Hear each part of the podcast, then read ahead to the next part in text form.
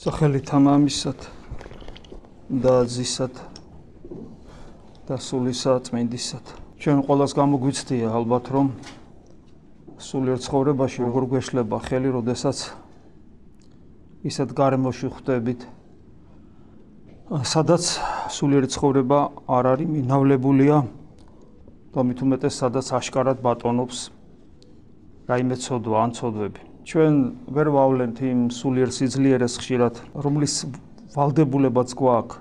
ჩვენ უნდა ვიყოთ ნათელი ამასოფლისა, ჩვენ უნდა ვიყოთ მარილი ამასოფლისა და გვაქვს ვალდებულება გარდაქმნისა ამ სამყაროს. მაგრამ ეს რომ ასე არ გამოდის, არსებობს სუბიექტური მიზეზების და ობიექტურიც. სუბიექტური ის არის, რომ ვერ გვაქვს ის მოციქულებრივი გულმხურვალება და თავგანწირული ერთგულება ქრისტესადმი, რომელთა ერთგულებამაც და თავგანწირვამაც შეცვალა სამყარო თავის დროზე. და არსებობს მეორე ობიექტური რეალობა, როდესაც იმ ადამიანთა რაოდენობა, რომლებსაც ქრისტე არ სურთ, ამ ადამიანთა რაოდენობა სოფლიოში იმატებს, არიკლებს. არის რაღაც რა თქმა უნდა გარკვეული რეგიონები, სადაც პირიქით იმატებს მართლმადიდებლობა. მ არის შემთხვევები და ეს რის ხარჯზე ხდება, სხვა რელიგიებიდან გადმოდიან და ზოგიერთ რეგიონში ეს საკმაოდ დიდი ტემპებითაც ხდება. მაგრამ სამწუხაროდ ამას მხოლოდ ლოკალური ხასიათი აქვს. თლიანობაში თუ ავიღებთ პროცესი რა თქმა უნდა მიდის იქითკენ რომ თავის დროზე დადგება პერიოდი, რომელსაც უფალიესი ახასიათებს, რომ იგი ვეღარც კი იპოვის სარწმუნოებას. და ერთ-ერთი მიზეზი, როგორც გითხარით, არის ის, რომ ვერ ვუმკლავდებით ჩვენ ქრისტიანები ამასოფლის სულს. და ჩვენს ქვეყანას სასიცოცხლოდ სჭირდება უკვე აგერ 30 წელიწადზე მეტია ის, რომ ჩვენში ქრისტიანობა გამტკიცდეს. სამწუხაროდ, მიუხედავად ჩვენი რელიგიურობისა, ჩვენი ხალხი რელიგიურია ზოგადად.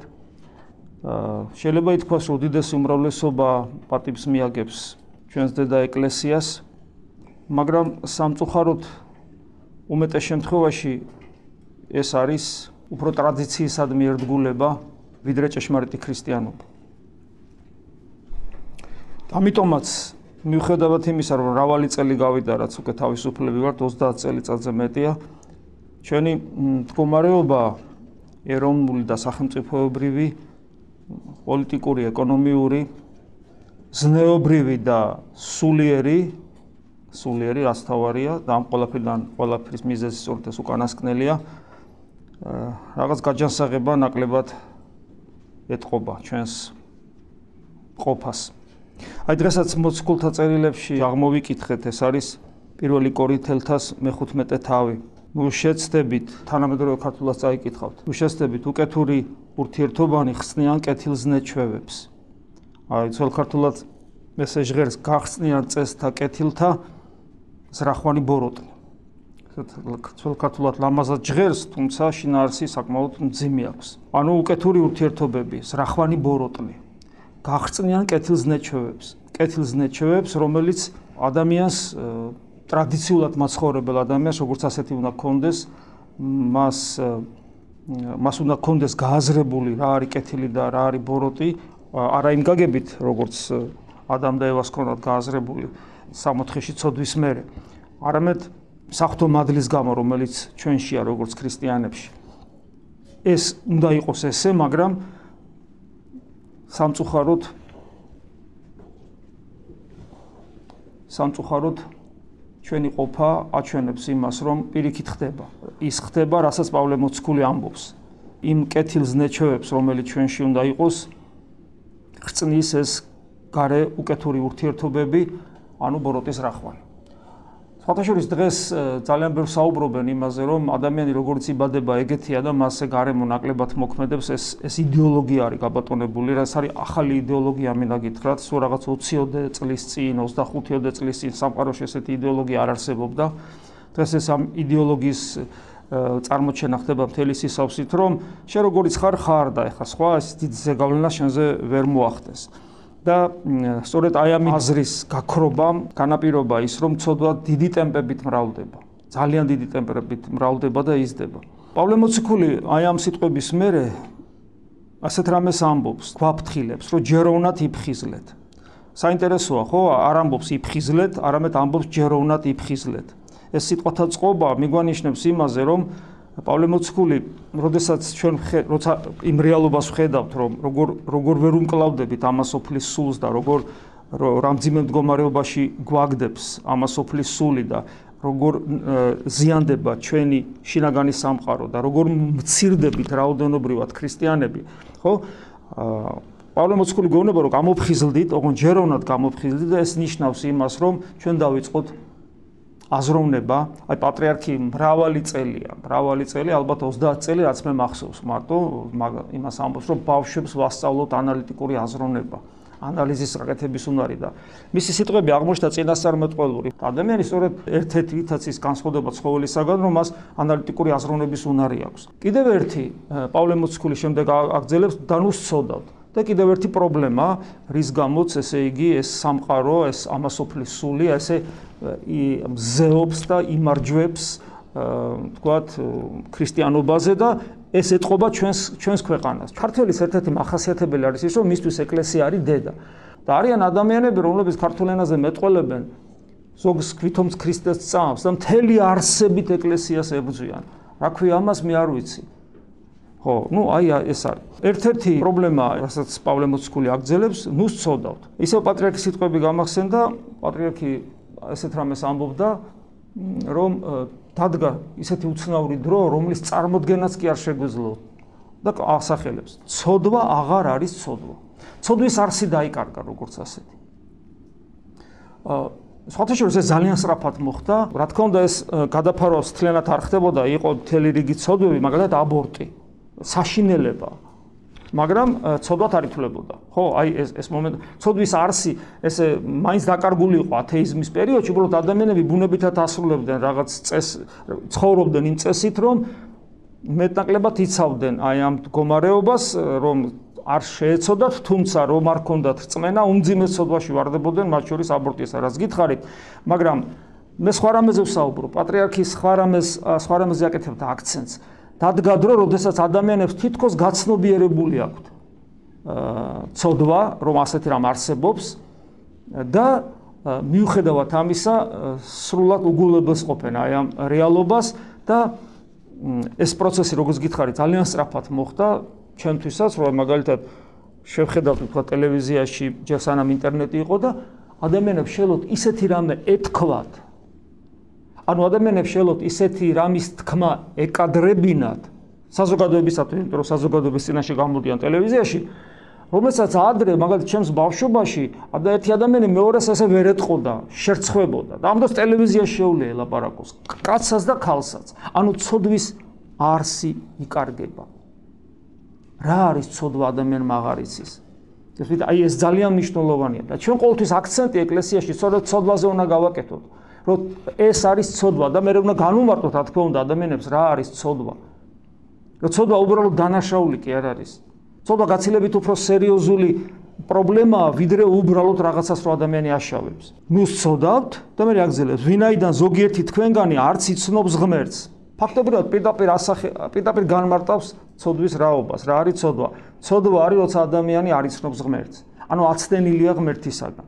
ეს ნიშნავს იმას, რომ ცოდვა უბრალოდ რაღაც იურიდიული კატეგორია კი არ არის, მე რაღაცა დავაშავე. დაგიშავე, დავაშავე და ასე შემდეგ. არამედ ცოდვა არის ის, რომ ჩვენ ღმერთისაგან აცდენილები ვართ. და რა თქმა უნდა, ეს ეს მდგომარეობა დაკარგულია, რატომ? იმიტომ რომ ღმერთის ღმერთის წმენა იკარგება, ოღონ იკარგება არა იდეოლოგიურად იმდენად, თუმცა ათეისტური იდეოლოგია ყოველთვის არსებობდა და ეხლა ძალიან ძლიერად მუშაობს. მაგრამ კომუნისტებისაგან განსხვავებით, როგორც ხშირად ვითქვავს, მაშინ იყო ათეიზმი იყო მდგომარეობა ყველა ადამიანის, ეს იყო ის გარემო, რაშიც ყველა ადამიანი ცხოვრობდა არჩევანის გარე, ანუ ათეიზმი არ იყო არჩევანი. ყველა ათეისტი იყო. არ იყო ათეიზმი არჩევანი რა.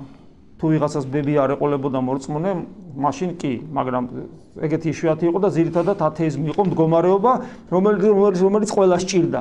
დღეს ათეიზმი არის არჩევანი და ნელ-ნელა უფრო და მეტი და მეტი ადამიანის არჩევანი ხდება და ამიტომ შესაბამისად ჩვენ ვართ უმძიმეს ცოდვაში, რომ არ ვიცნობთ ღმერთს. და შემდეგ პავლე მოციქული ამბობს, როცა იტყვის, რომ ზოგიერთი თქვენგანი არ იცნობს ღმერთს, მე გვეუბნება, თქვენ და სარცხვენად ვამბობ ამას. თქვენ და სარცხვენად ვამბობ ამას. ანუ ეს არის მინიშნება იმაზე, რომ ჩვენი სინდისი მარტო იმაზე კი არ უნდა მუშაობდეს, რომ ვიღაცას ფეხი დავადგი და ვიღაცას რაღაც ხმამაღლა დაველაპარაკე. ანუ ღმერთს რომ არ ვიცნობთ, ჩვენ უნდა გვცხვენოდეს ამის.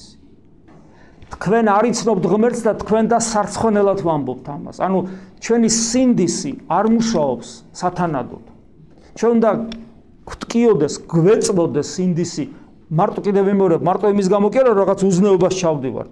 აი ღმერთს რომ არ ვიცნობ, ღმერთთან ურთიერთობაში რომ ვაკლებ, რომ მეზარება, რომ და ასე შემდეგ, ანუ ის რასაც რაც ჩვენ ყოველდღიურობაში გვაკლია, მათ შორის დისციპლინის თვალსაზრისით და მოშურნეობა, გულში ცეცხლი არ აგვაქვს და ასე შემდეგ, ერთგულების დეფიციტი ქრისტესადმი ეს ყველაფერი იწევს იმას, რომ მე ესე იგი არ ვიცნობ ღმერთს, იმიტომ რომ ღმერთი რო გაიცნო, ამას სჭირდება ჩემი მხრიდან აბიჯის გადადგმა. რა თქმა უნდა, ღმერთის ხელშია ეს.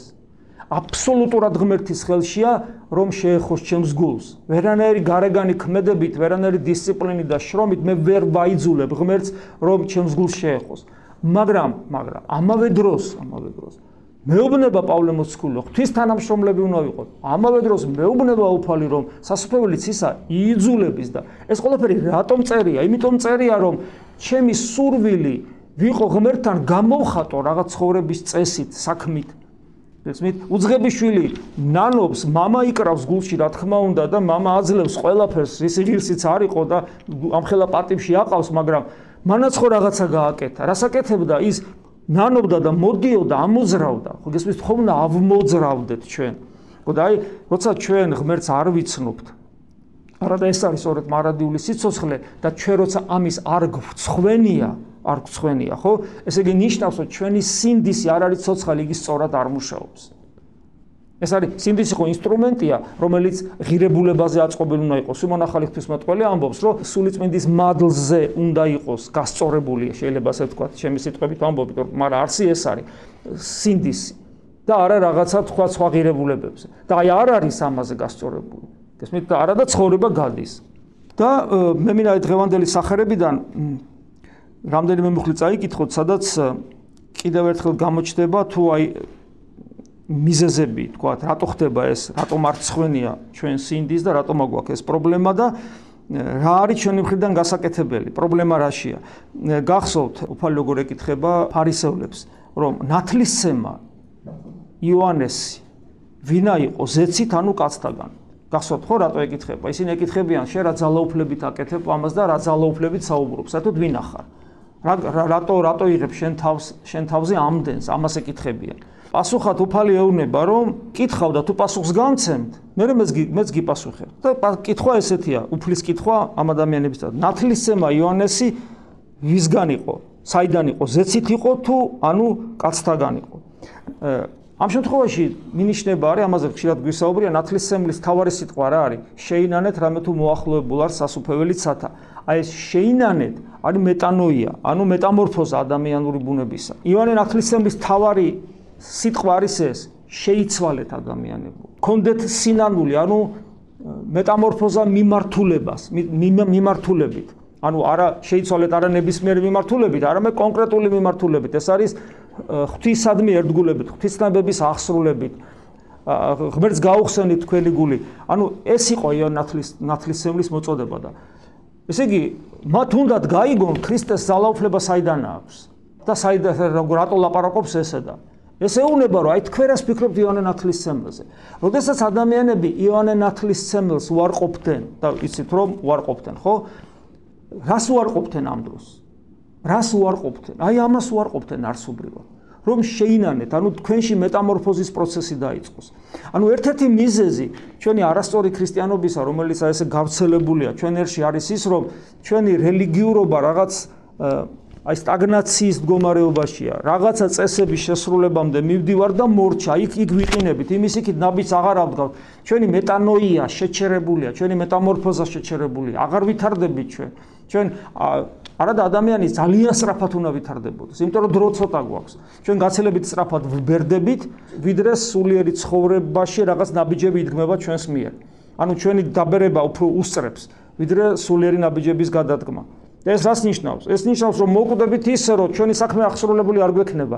არადა იდეაში ჩვენ გატყორცნილი ისრებივით უნდა ვიყოთ. ეს ამას ნიშნავს სულის მდუღარება. ცეცხლოვანი დგო, ცეცხლისა მოვედ მოფენად ქვეყანასაზე და ეს ცეცხლი თუ აქ ადამიანს გულში, ის სწრაფად ვითარდება. და თუ ეს ცეცხლი არა, არის ესე და მე იღლება ამ თავის თავის თავით იღლება ადამიანი და მე რაღაცა რელიგიურ რაღაც პოზას იჭერს რა ცხოვრებისეულ პოზას და ჩარჩოში ექცევა და ნუ სინდის დამშვიდებული აქვს სინდისი და პავლე მოციქული გეუბნება ნუ გაგდამშვიდებული ატო არ აქვს ცხვენია ღმერთს რომ არიცნობ და არ არის ცხვენია ღმერთს რომ არიცნობს და რადგან არ არის ცხვენია სინდისი დამშვიდებული მაგ წესებს ხო ასრულებ ეზიარები რაღაცა ნუ რა ვიცი ხსაშნელებებს არ ვაკეთებ წმინდა წერილი ხშირად მithქვავს, არ იძლევა საშუალებას აი ესე მიგვეძინოს. არ იძლევა და რა ვქნათ, აგერ დღესაც ვკითხულობთ, არ იძლევა. ამიტომ ჩვენ ვფიქრობთ, რომ ადამიანის ვალდებულება და პასუხისგებლობა, ვალდებულებაც და პასუხისგებლობაც, რომ მუდმივ მეტანოიის და მეტამორფოზის მდგომარეობაში იმყოფებოდეს და სხვათა შორის იონა თლისმელის ეს სიტყვები, ეგ როგორც გრამატიკული ფორმა ისია, რომ შეინანეთ რამე თუ მოახლოებულ არ სასופველიცა და იგულისხმება პროცესი პროცესი და არა ერთჯერადი აქტი სინანულისა. ერთჯერადი აქტი სინანულისა სინანული არ არის. პროცესი უნდა იყოს. და გახსოვთ პასუხი, რასეუნებიან? არ ვიცით. მიუგეს იესოს და არ ვიცით. ანუ რას ნიშნავს? არ ვიცით. ზეციდან იყო თუ ესე იგი კაცთაგან იყო. ანუ თვითონ თავის თვითმარქვია იყო თუ მართლა ღვთისაგან ქონდა ეს, რაც ქონდა იონათლის ემლს. ეუნებენ არ ვიცით. რას ნიშნავს ეს არ ვიცით? არ მის ეს ნიშნავს რომ აი რაც გითხრა რაზეც ვამბობდით რაზეც გავაკეთეთ აქცენტი რომ ვალდებულება და პასუხისგებლობა მეტანოიის ანუ ცვლილების ანუ სინანულია მეტანოია ხო? ანუ ამის ვალდებულებაზე და უარს ამბობენ და პასუხისგებლობას იხსნიან. ვალდებულებაზე უარის თქმა და პასუხისგებლობაზე პასუხისგებლობის მოხსნა ხო? აი არა და მორჩა. აი ეს მდგომარეობა ეს მდგომარეობა არის ის დამანგრეველი მდგომარეობა მთელი ერისათვის როდესაც ერს არ აქვს აი ეს ვალდებულება, რომ მუდმივად მეტამორფოზის მდგომარეობაში იმყოფებოდეს. ამას აქ ناقოფი და ناقოფი ნახეთ როგორ ჟღერს, თქვა მათ მანცა, ანუ უფალიონება მათ. იმათ ხო უთხრეს რომ არ ვიცით რა, არ ვიცით. პასუხისგება იოანე ამბობს შეინანეთ, ეს არ ვიცით საიდან არის. ანუ მოწოდება იმისკენ რომ შენ შეიცვალო მიმართულებით ღმერთისკენ, მოწოდება ეს გესმის და ვინც ამ მოწოდებას ახმოვანებს ესენი ამბობენ, არ ვიცი. არ ვიცი. არიცით უფალეონება, არიცით საიდან არის? არიცი რომ მუდმივი პროცესი უნდა კონდეს სინანულისა, მეტამორფოზისა, სულ მუდამ არ უნდა გაჩერდე არასოდეს, არ უნდა დაკმაყოფილდეს შენი ისინი ხო რელიგიური ადამიანები იყვნენ. შენი რელიგიურობის წესების შესრულებით, რა ვიცი, აი თუნდაც სიკეთის ქმნი, ქმით პატრიოტი, პატრიოტებიც ხო იყვნენ და რა მოიტანა, რა მოიტანა მათ პატრიოტიზმა განადგურდა 2000 წელი სახელმწიფო განადგურდა. საშინელება მოხდა, საშინელება. თითქოს და ისტორიაში როგორ არის, თან ამას რომაელები ანადგურებენ. და აი თუ წაიკითხავთ ამ ისტორიას აა ტიტე და ვესპასიანე, ეს ორი ადამიანი სხვადასხვა ორჯერ მოხდა დალაშქრა. ესე იგი, იცით რა რა იგზნობა, რომ თვითონ რომაელებსაც არ უნდათ ამის გაკეთება, რასაც აკეთებენ. ანუ რაღაც მათი იმპერიული პასუხისგებლობიდან გამომდინარე გალაშქრებას აწყობენ, მაგრამ ისე ვითარდება იქ სიტუაცია და ისე ისე ნადგურდება ყველაფერი და ისეთი უბედურება ხდება, რომ რომელებსაც არ უნდათ ეს ესე ჩანს ისტორია, ამ ეს ეს ისტორია სხვათაშორის იუდეველის დაწერილია და მაგრამ აი თითქოს ამაში ჩანს აი რაღაცა ღვთის საშნელი რისხვა. აი რაღაც ცუნამივით წამოსული, ცუნამი რომ მოდის რა, რაღაც ესეთი. ну გასაგებია ხო მათ ღმერთი მოვიდა და მოკლეს და ну რა ვიცი და მე გავიდა კარკული პერიოდი და კიდე არ გამოფხიზლდნენ და არ შეინანეს და ხო კაქსელ პეტრემოცკული რო გადაგებს შეინანე თქვენ მოკალით და შეინან ბრავალმა შეინანა პეტრემოცკულის პირველი სიტყვის მერე 3000 კაცი მოინათლა რაღაც დონემდე შეინანეს და მე ბოლოს ისევ გაჯიუტდნენ იმ დონეზე გაჯიუტდნენ რომ გახდოთ პავლე მოცკული როგორ ბრაზდება ამაზე და კარგი აღარაფერს აღარ გეტყვი და წავედი წარმართებთან იმიტომ რომ ნუ არ უნდათ რა და მორჩა არ უნდათ არ უნდათ. და მე მოვიდა მოხდა ის რაც მოხდა. ცუნამი იყო ეს. ეს არ იყო ვიღაცა ვესპასიანე, ვიღაცა ტიტე და რაღაცა რომის ეს იყო ცუნამი. ამ შემთხვევაში ამ ფორმის, ამგვარი ფორმის კატასტროფა მოხდა. და ხშირად ვამბობთ ხოლმე რომ ღმერთის სიყვარულია არ ნიშნავს იმას, რომ ცოდვა დაუსჯელი რჩება. აი ეს აღრეული აქვს განსაკუთრებულად თანამედროვე ღმერთის სიყვარულია, ქრისტიანობა სიყვარულია, კი, მაგრამ ეს დაუსჯელობას არ ნიშნავს, ჯოჯოხეთი არავის არ გაუუქმებია. რატომ? იმიტომ რომ ადამიანი თავისუფალია და ღმერთი რომ სიყვარული ადრეს გითხარით, ღმერთი რომ სიყვარულია, ეს უფრო მეტი პასუხისგებლობის წინაშე გვაყენებს ჩვენ და თუ ჩვენ მასთან ურთიერთობას და უარყოფთ და ვეუნ ვემიჯნებით არ გვინდი ხარ შენ კი ხარ სიყვარული მაგრამ შენ არ გვინდი ხარ გვაცალე როგორც გვინდა ისე ვიცხოვრობ მაშინ ქრისტეს სიტყვები ყოველას გვავიწყდება ხო? ბერჯელ გვითქვავს. მე კი არ დაგიჯით. არამედ სიტყვას რომელსაც მე ვამბობ. ის სიტყვა იქნება თქვენი დამსჯელი. ანუ კანონი ხშირად ვამბობ ცივი კანონის ზემოქმედების ქვეშ დგება ის ერი და ის ადამიანი რომელიც ღმერთთან ურთიერთობას უარყოფს. და ეს ცივი კანონი მოქმედებს ზუსტად ისე, როგორც მიწიერი კანონები და მე მოქმედებს ეს კანონები. ცოდვის შედეგში რა იგულისხმება? სწორედ ეს, რომ ადამიანებმა უარი თქვეს ღმერთთან ურთიერთობაზე. და ღმერთი როგორც მოსიყვარულე მამა უარყვეს და დარჩენ ცივი კანონის წინაშე, რომლის უგულებელს ყოფა ადამიანებს ანადგურებს. ანადგურებს ადამიანებს. ფიზიკურათაც კი გაიხსენეთ კაცო წარღვნა გაიხსენეთ სოდომი გომორი და რა ვიცი რამდენი მაგალითი შეიძლება იყოს. ასეთი მოვიყვანოთ რომელიც ბიბლიაში წერია და ზოგი ბიბლიაში არ წერია. როგორც კი ისინი ამბობენ რომ ჩვენ არ ვიცით არ ვიცით. მაშინ უფალი ეუბნება რქვამათ ქრისტემ? არცა მეკითხრათ თქვენ რომლითა ხელმწიფებითა ვიქ ამას? ნახეთ ეს რა უცნაური სიტყვებია იცით? აი ქრისტემ არის ღმერთი ადამიანად მოსული. ისინი ეკითხებიან, კაცო, გითხარი რა ვინა ხარ? გითხარი ვინა ხარ? დეგება ვეთქვა, ხო? ჩვენ ვიცით სახარებაში ზოგიერთ ადგილას ამბობს კიდევაც, მაგრამ ესეც არ შველის მათ. მე ლაზარე გააცოცხლა 4 დღე საფლავში იმ სიცხეში უკვე გახწნილი და ლაზარე გააცოცხლა, ესეც არ შველის. ამით დაგვანახა უფალმა რომ მე რომ არ ვამბობ, იმიტომ კი არ გახდენ ურწმუნონი. არამედ თქვი კიდევაც საოცარი რაღაცები გავაკეთე, მაინც მაინც არ შველის ადამიანებს, ხო? და მე საბოლოო იყო რა, უნდა მომკვდარიყო და ჯვარზე და აი ჯვარზე სიკვდილი ქრისტესი გახდა მიზეზი, იმე რომ მიზეზი რომ ადამიანმა ყურადღება მიაქციეს. ვაი? და იქვე ჯვარზე გახსოვთ ის ადამიანები, რომლებიც მას დასცინიან, ნაწილი ადამიანებისა გულში იბრაგუნებენ და ცუდი რამე ჩავიდინეთ, ცუდი რამე ჩავიდინეთ. ალბათ მე ის ადამიანები ყო რომელმაც პეტრეს სიტყვა რო გაიგეს, მოექცენ და მოინათლე. ხო, აი ადამიანი ესეა. ანუ ადამიანი ვერ უსმენს ქრისტეს და ვერ იგებს და თითქოს ლოგიკა ესეთია, რომ ესე იგი ესენი ეკითხებიან რა ძალაუფლებით აკეთებ ამას და თითქოს ქრისტეს უნდა თქვა რომ ღმერთი ძალაუფლებით ვაკეთებ და აი ეხსნა განემარტა უფრო მეტად რაღაცა. დახეთ უფალი რასეუნება. არ გეტყვითო, რომელი ძალაუფლებით ვაკეთებ ამას. ამაში დავინახოთ პირდაპირ სიტყვის გარდა, რომელიც ესე უთხრა. ძალიან მნიშვნელოვანი საიდუმლო, ანუ მისტიკა, რა?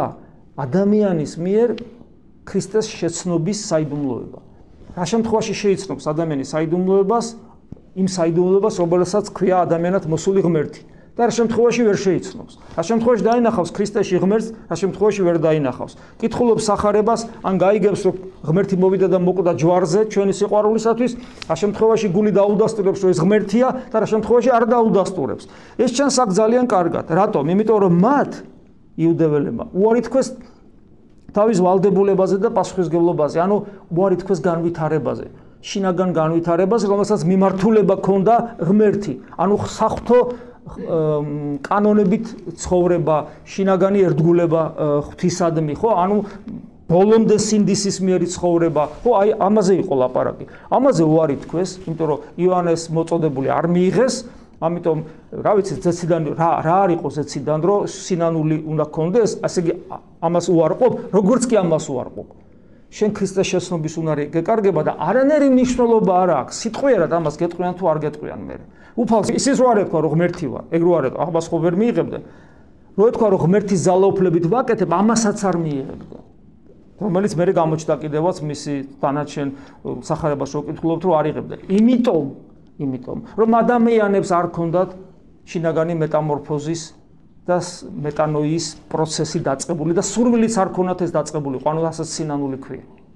ამიტომ ადამიანს ღმერთის შეცნობის უნარი ეკარგება, ოდესაც მას არ აქვს აი შინაგანი მეტამორფოზის პროცესი მუდმივ მუდმივად ჩართული, შესაბამისად, მისი მდგომარეობა ხდება გაყინული რელიგიურობა, რელიგიურობის მდგომარეობა გადაიქცევა გაყინულ რელიგიურობად და როცა უნდა რომ შეინარჩუნოს რაღაცა თავისი მეტნაკლებად კეთილმოწესეობა, არაფერი არ გამოზდის, საკმარისია ისეთ საზოგადოებაში მოხდეს, სადაც ღმერთი არ უნდათ რომ ყველაფერი თავდაყირაუდგება ამ ადამიანს და მთლიანობაში ნელ-ნელა, ნელ ამასოფლის სული თავისი ბოროტი ზრახვებით და უკეთური ურთიერთობებით ხრწნიან ჩვენ ცოტა დაგროვილ კეთილზნეჩევებს, რომელიც დავაგროვებთ ჩვენი რელიგიური ცხოვრების დროს.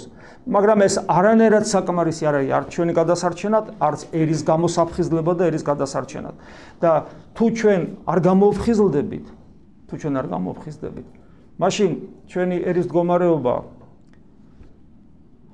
როგორც გრძელდებოდა ამდენი ხის განმავლობაში, ისევ ასე გაგრძელდება, სულ გვექნება ილუზია, რომ აი ეხლა, აი ეხლა გამოვალთ ამ მდგომარეობამ და გაიხსენეთ უახლოეს წარსული პროცესები ძალიან სწრაფად ვითარდება, ხო?